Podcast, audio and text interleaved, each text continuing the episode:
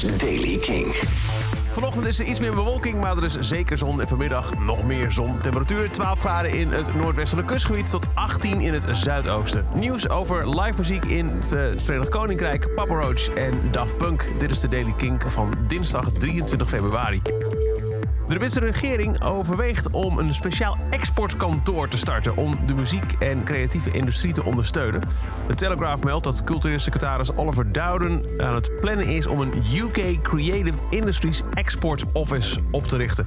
En daarmee zouden internationale tournees van Britse bands na de Brexit makkelijker gemaakt moeten worden. Het zou sterk lijken op soortgelijke agentschappen in Australië en Canada. Die geven advies over export, logistiek en strategie aan artiesten. En helpen hen om uh, uit te breiden naar nieuwe markten en zo hun bekendheid te vergroten. Dit agentschap zou kunstenaars ook kunnen helpen met visumregelingen die verplicht zijn en juist voor heel veel ellende zorgen sinds de start van de Brexit. Meer nieuws uit het Verenigd Koninkrijk. Als de routekaart van de regering om de lockdown te beëindigen volgens plan verloopt, kunnen grote live events, concerten en nachtclubs vanaf juni terugkeren in Engeland. Premier Boris Johnson heeft een vier-stappenplan aangekondigd dat zijn land moet doorlopen om weer normaal te worden.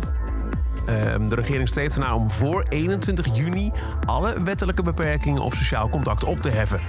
Het uh, gaat dus over uh, pubs, uh, buiten dineren en zo. Dat zou op 12 april geopend kunnen worden.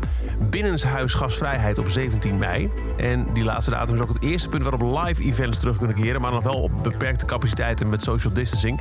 Vanaf 21 juni moet alles dus weer, als alles goed gaat, weer normaal kunnen in Groot-Brittannië. Het land dat ook voorop loopt in de vaccinaties in Europa. Jacoby Shaddix, de frontman van Papa Roach, heeft gezegd dat er 14 nummers klaar liggen voor een nieuw album. Wordt door de opvolger uit, uh, van Who Do You Trust uit 2019. Maar ze hebben besloten het album nog niet uit te brengen of ze toeren tot heel COVID weer voorbij is. Toeren, zegt hij, komt de rest van dit jaar niet meer terug. Ja, hier en daar wat kleine shows, maar we gaan pas echt in 2022 een nieuw album uitbrengen en toeren. In de tussentijd wachten we het gewoon lekker af. En dan wel het muzieknieuws van het afgelopen etmaal. Daft Punk stopt ermee. De twee leden gaan elk hun eigen weg. Dat heeft het legendarische dance bekendgemaakt met een video op Facebook. De reden voor de split is niet bekend. De video was er ineens acht minuten lang met de titel Epiloog... waarin je de twee mannen met Robert Helmen door een woestijn ziet lopen... dat er eentje ontploft. uh, eerst waren het geruchten, maar daarna was het ook vooral bevestigd door het management van Daft Punk. Ja, ze stoppen ermee. Daft Punk heeft bestaan van 1993 tot 2021 en is van enorme invloed geweest op de muziek. Dankbetuigingen van artiesten uit de hele wereld stromen ook al de hele dag binnen via social media. En tot zover deze editie van de Daily Kink. Elke dag en een paar minuten bij met het laatste muzieknieuws en nieuwe releases.